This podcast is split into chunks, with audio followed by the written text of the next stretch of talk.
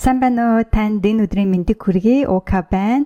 Өнөөдөр би яаж тууштай дасгал хийдэг болох вэ тухай ярих хүсэлтэй байна. Тэгээд тууш өөрийгөө тууштай дасгал хийлгэхийн тулд дагах таван алхмыг би өнөөдрийнхөө энэ подкастаар оруулж байна. Хэрвээ та дасгал хийж байгаад нэг мэтгэд те цөөрсөөр байгаад нэг мэтгэд бүр болдог бол тийм ээ өөрөөр хэлбэл хийж байгаа замын дундаас хайдаг бол өнөөдрийн энэ бичлэгийг танд зориулж байна.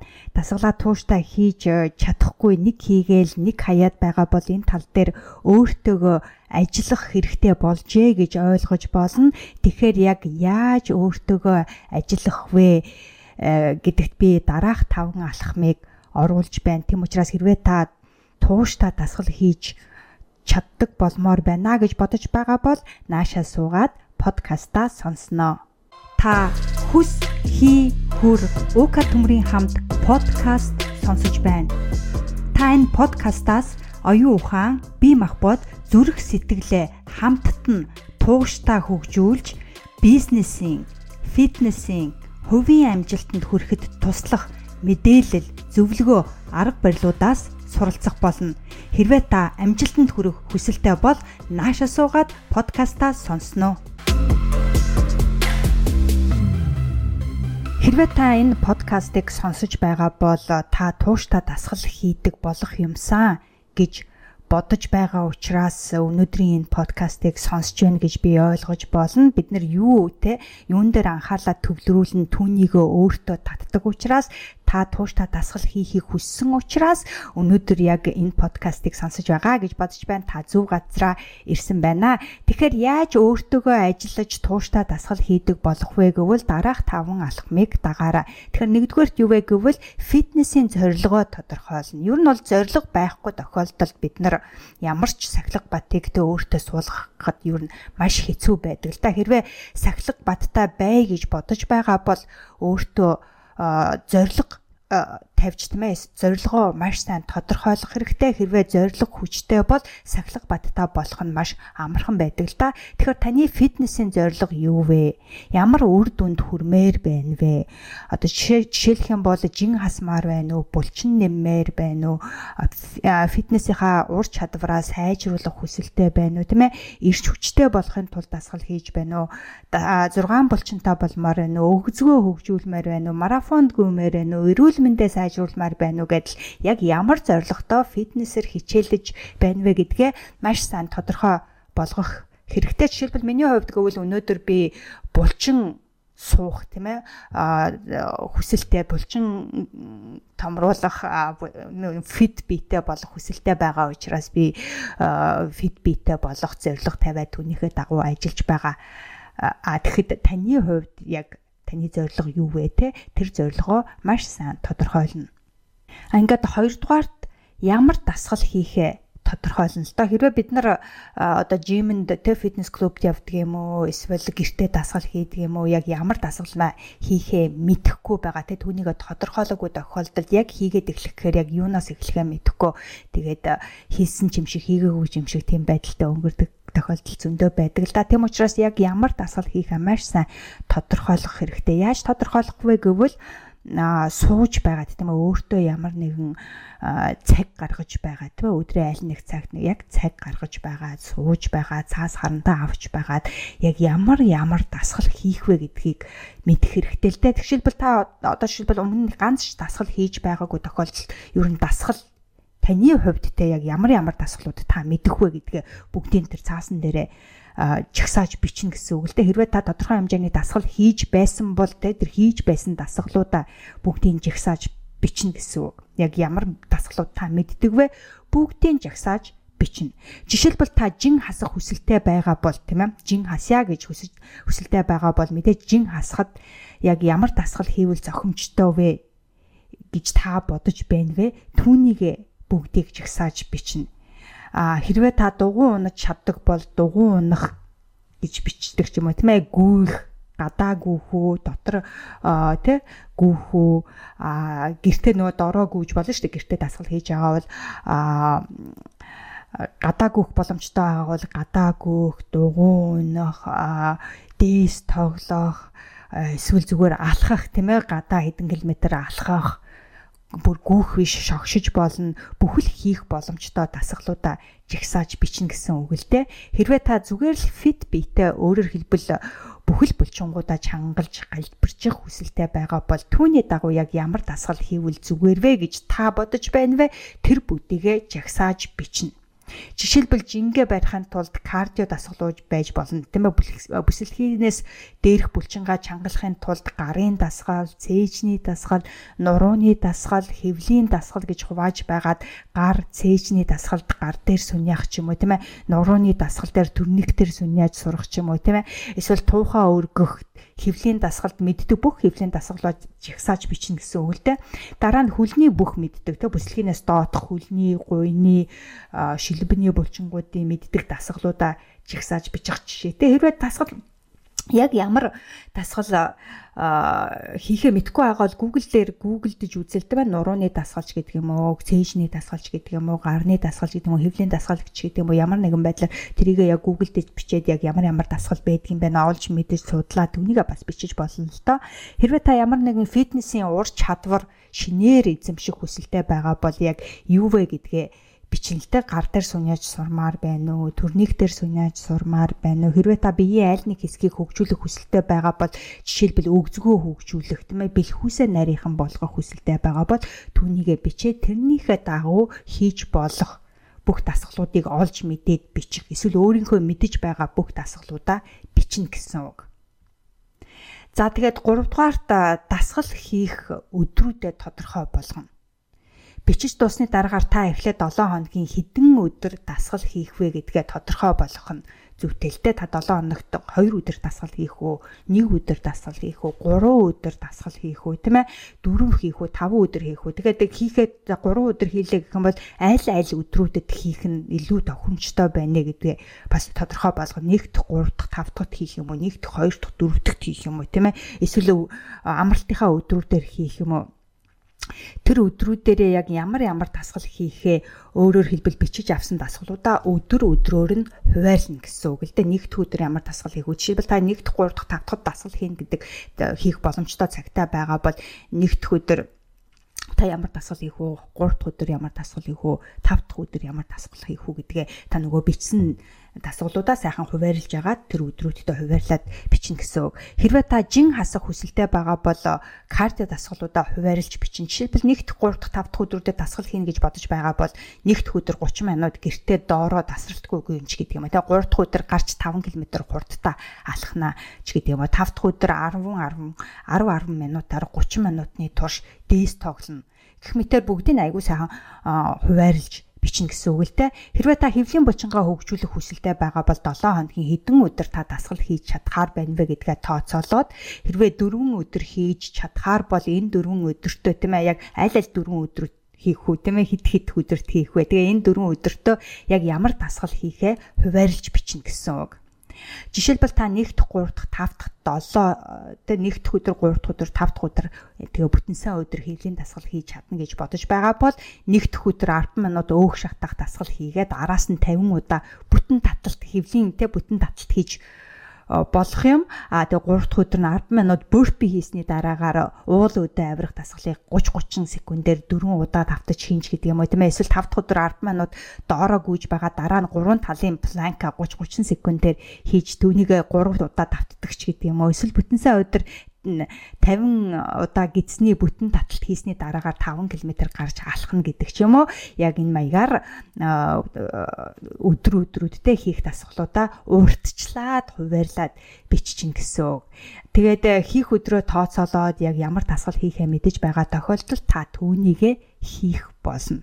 Тодорхой биш бол яг юунаас яаж эхлэхээ мэдэхгүй хойшлуулсаар байх болно гэдгийг анхаарахад илүүдэхгүй байзээ.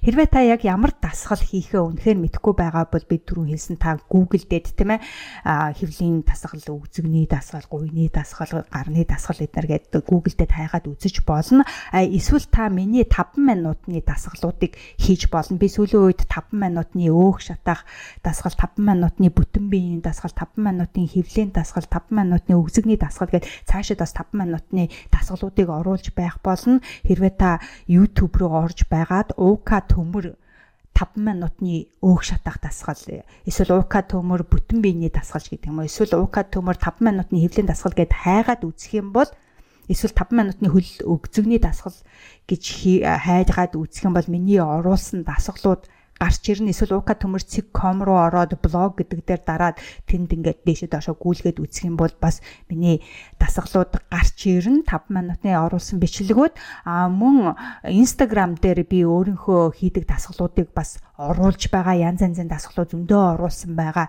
Гэхдээ уука төмөр гэдэг аккаунт дээр биш миний X H3 хүсхий хүр фитнес гэдэг аккаунт дээр байгаа. Тийшээ ороод үзээрэй. А хэрвээ та хайгаад олохгүй байгаа бол та уука төмөр.com руу ороод өнөөдрийн оруулсан энэ блог дээр яаж тууштай дасгал хийдэг болох вэ гэдэг бичлэг дээр дараад би тэнд холбоосуудыг оруулсан байгаа учраас та тийшээ ороод холбоос дээр нь дараа та миний Instagram руу ороод дасгалууд үзэж болно. YouTube руу ороод Ука төмөр бүтэн биений 5 минутны дасгал, өөх шат таг 5 минутны дасгал эдэргээ хайгаад үзэх юм бол бүгдээрээ гарч ирэх болно.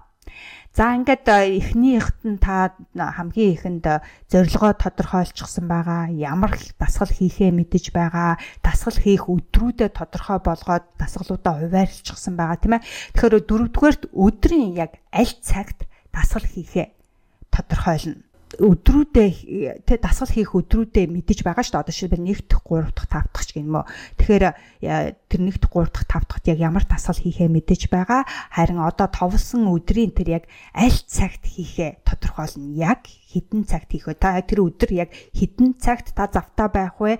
Яг тэрүүгээ тодорхойлно гэсэн үг. Харж байгаад аль нэг цагт хийн гэвэл мөн ялгаагүй хийхгүй хойшлуулдаг л да. Жишээлбэл за нэгд өдөр тэгж байгаад нэг заваараа тасглаа хийнэгээ ботцсон тохиолдолд нэгд өдөр болдог. Бид нар зөндөө ажил гардаг тийм ээ гинтийн ажил гинтийн биш янз бүрийн ажил гараад нөгөө тасглаа тодорхой болгоогүй яг хідэн цагт хийгээ тодорхой болгоогүй бол за дараа дараа дараа гэсээр хагаад хойшлуулсаар байгаад тасглаа хийхгүй үнжтгэлтэй тэм учраас яг хідэн цагт хийх вэ гэдгээ бас уртчилж тооцох хэрэгтэй болно. А тэгээд яг одоо шил нэг дэх өдөр орой 7 цагаас дасглаа хийн гэж тооцоолсон байгаа бол тэр 7 цагаа цагийн хуваарьтаа оруулна гэсэн. Хэрвээ цагийн хуваарьт оруулаагүй бол тэр дасгал хизээж хийж болтгүй. Цагийн хуваарьт оруулаагүй ажил хизээж хийгддэггүй гэдгийг санахад илүүтэхгүй байхаа. Тийм учраас заавал заавал яг хідэн цагт вэ гэдгээ цагийн хуваарьтаа оруулна гэсэн үг. Тэгэхээр өдрийн альч цагийг сонгож болно л доо. Өглөө байж болно өдөр орой байж болно. Заавал өглөө хийвэл сайн гэсэн өглөө хийнгээд өглөө цаг зав гаргаж чадахгүй нөгөө за дараагийн маргааш өглөө нөгөөдөр өглөө гэсээр га тасгалаа хийж чадахгүй байдаг тохиолдлууд бас зөндөө байдаг. Заавал өдөр хий эсвэл заавал орой хий гэсэн тийм дүрм ерөөсөө байхгүй. Аль цагт хамгийн тохиромжтой хамгийн боломжтой бай. Түүнийгээ сонгох нь зүйтэй гэж би боддог л доо. Тийм учраас та аль цагт боломжтой тэр цагаа сонгороо. Магадгүй та өглөө эрт дасгал хийвэл зүрхэнд мууч гэдэг юм уу? Бас нөгөө хүмүүс тийм янз бүрийн явхан ярианууд сонсцсон байдаг шүү дээ. Тэ өглөө эрт гүйснээр зүрхэнд мууж гэдэг юм уу дэндүү орой дасгал хийвэл ядаргаанд орно гэдэг ч юм уу гих мэтийн зүйлийг өмнө сонсож байсан эсвэл хин нэг нь танд тэгж хэлж магадгүй л дээ яг дасгал хийгээд эхэлж яхаа тэгээ тэрнээс болоод нэрэж тийм юм уу ингээд бодсон чинь зүрхч өвдөд ах шиг ингээд бодсон чинь янз янз ядраатч ах шиг те тэгээд нэрэл тийм юм шиг байна гэ. Бодоо бид нар тууштай дасгалаа бас хийж чаддгүй тохиолдол зөндөө гардаг. Тэр үед яг гэвэл гадны тэр дууг тэр бүгдийг блоклох хэрэгтэй. Сонсоод байх юм бол дасгал хийх тохиромжтой цаг гэж юрөөсө гарахгүй. Тиймээс чихээ таглаж байгаад өөрийнхөө сонгосон цаг цагтаа дасглаа хийгээрээ та юуг зөв гэж бодож байна? Түүндээ тэгээ түүнийхээ дагуу үйлдэлээ хийгээрээ тэрнээс биш тэр цэцгийг сонсдог юм уу чимгээг сонсдог юм уу нарааг сонсдог юм уу ээжигээ сонсдог юм уу аавыгаа сонсдог юм уу тэр чин тийм гэлээ ийм гэлээ гэд байх юм бол тэр бүх явхан ярианууд биднийг ямар нэгэн амжилтанд хүрэхээс зогсоож байдаг юм шүү. Тийм учраас та аль цагт хийх боломжтой? Тэр цагаа сонгоод тэрэндээ хийгээд гадны дуу хоолойг блоклороо гэдгийг би танд хэлэх хүсэлтэй байна. За тэгэхээр эхний дөрвөн алхахыг та мэдэж авлаа алхмыг зорилгоо тодорхойлно, ямар дасгалаа хийхээ тодорхойлно, дасгал хийх өдрөө тодорхойлно, дасгал хийх цагаа тодорхойлно. За ингээд тав дахь алхам юу вэ гэвэл хоолоо зохицуулна. Энэ юу гэсэн үг вэ гэвэл жишээлбэл та өглөөний 8 цагт дасгал хийхээр товлцглоо гэж бодъё. Нэгдэх өдрийн өглөө 8 цагт дасгал хийхээр бол өглөө эрт 6 юм уу 6 хагаст өглөөнийхөө цайг уuna гэсэн үг л дээ. Эсвэл өлөн илгэн дээрээ жаахан ус уугаад дасгалаа хийсний дараа өглөөнийхөө цайг уух жишээтэй. Тэгэхгүй бид нар 7:30-д өглөөний цайг уувал нөгөө 8 цагт цатгалтаад дасгалаа хийж чадахгүй хойшлуулах болно. Эсвэл бид нар 7 цагт нөгөө хоолоо 7 цагт тасгалаа хийнгээ ботцсон байдаг оройн хоолоо 6 цагт идчих юм бол нөгөө ажилдаа явсны дараагаар оройн хоолоо идсний дараа улам назгаараад бид нөгөө тас 7 цагтаа тасглаа хийж чадахгүй. За 8 цагт болъё за 9 цагт болъё за ядарчлаа маргааштай яг жинхэнэ эхэлнэгээ бас дахиад хойшлуулцдаг тохиолдол байдаг л да. Тийм учраас ерөөсөө хоолоо маш сайн зохицуулах хэрэгтэй. Хэрвээ 7 цагтаа тасглаа хийн гэж бодсон бол та хоолоо эртхэн шиг зохицуулна гэсэн үг. 5 цагт юм иддэг ч юм уу тэгсэн тохиолдолд 7 цагт тасглаа хийхэд илүү тохиомжтой болно гэсэн үг А тэгээ миний хувьд бол хоолоо идэхээс өмнө би дасгалаа хийх дуртай байдаг. Хоол идсний дараа бол хүн назгаараа дасгал хийхгүй талтай байдаг л да. Гэхдээ хүн хүн өөр байдаг да. Зарим хүмүүс хоол идсний дараагаа дасгал хийж чаддаг.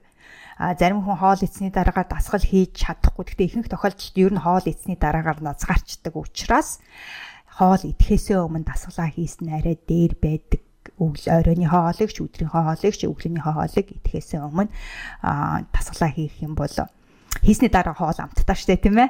Тэгээ тэгэхээр э, хоол идэхээс өмнө тасгалаа хийсэн арай дээр байдаг юм шүү гэдгийг бас хэлэх хүсэлтэй байна л да. Тэгтээ таны хувьд аль нь үйлчилж байна? Түүнийгээ дагаараа заавал хоол идэхээс өмнө тасгалаа хийнч гэдэг юм уу те. Тэгээ яг э, хоол хийхээ идэхээс өмнө тасгалаа хийгээд үз ямар байна? Хоол идсний дараагаар тасгалаа хийгээд үз ямар байна? Тэр бүгдээсээ суралцаад өөрийгөө сайжруулах тал дээр арга хэмжээ аваад явна гэсэн үг л дээ.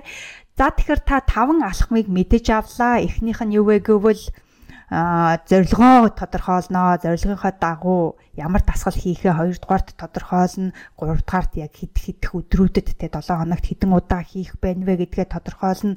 А мөн яг хэдэн цагт тэр өдрүүдийнхээ те хэдэн цагт дасгал хийхээ маш сайн тодорхой болгоод түүнийгээ цагийн хуваарьтаа оруулах байгаа. А тэгээ 5 дугаарт маш чухал хоолоо зохицуулах нь маш чухал байгаа юм а. Яг хизээ хоолоо идэхүүд яг тэрийг өөрөө мэдэж авч байгаа тэдэн цаг тасглаа хийн тэрнээс тэдэн цагийн өмнө хоолоо идсэн байх хэрэгтэй ч гэдэг юм тийм ээ. Тэрийг маш сайн тооцоолж олох хэрэгтэй. Тэгээ хоолоо зохицуулна гэдэг маань бас нөгөө дасгал хийснийхаа дараагаар бид нар яг зөв хооллохын тулд урьдчилаад хоолоо бэлдсэн байгаа тохиолдолд бас яг дасгал хийж дуусангууд тэр хоолоо идэх нь илүү байдаг л да. Тэгэхгүй бид нар дасгал хийсний дараагаар маш их үлсдэг учраас хаа хамаагүй юмнууд идээд бас дэндүү их идээд нөгөө дасгал хийгээд идэг хийгээд идэг жин хасахгүй тохиолдол бас байдаг. Тийм учраас ер нь хоолоод уртчлаа зохицуулах юм бол маш их илүү давуу талтай байдаг л да.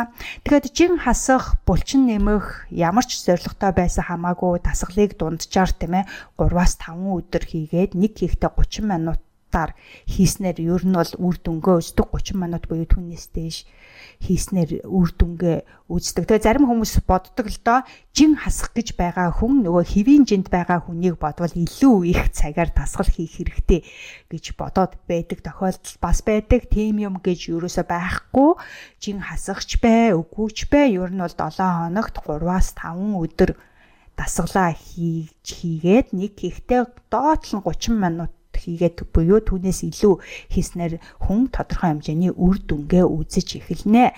Харин дасгал хийгээгүй өдрүүддээ амар амар нь мэдээж амар нь гэдг нь тэгтээ огт хөдөлгөөнгүй тийм ээ диван дээр суугаал идэл телевизэр үзээд бай гэсэн үг бас биш. Амрах өдрүүдэрээ хөнгөн дасгал бас хийж болно. Өөрийнхөө хурдаар алхдаг ч юм уу йогийн дасгал хийдэг ч юм уу сайхан сунгалт хийдэг ч юм уу усан цэлдэг дугуй унах уулан даялах хүүхдүүдтэйгээ тоолох зэргийг бас хийж болно. Тэгэхээр хөдөлгөөнтөө амрах нь уг нь зүгээр байдаг гэдгийг бас мэдхэд илүүдэхгүй байхаа. За тэгэхээр энэ таван алхмын дагуу ажиллаад дасглаа хийгээд үзээрэй мөн ямар байхсан танд хэрхэн өвлжсэн тухайгаа та сэтгэлдээ үлдээх юм бол би маш их баярлах болно.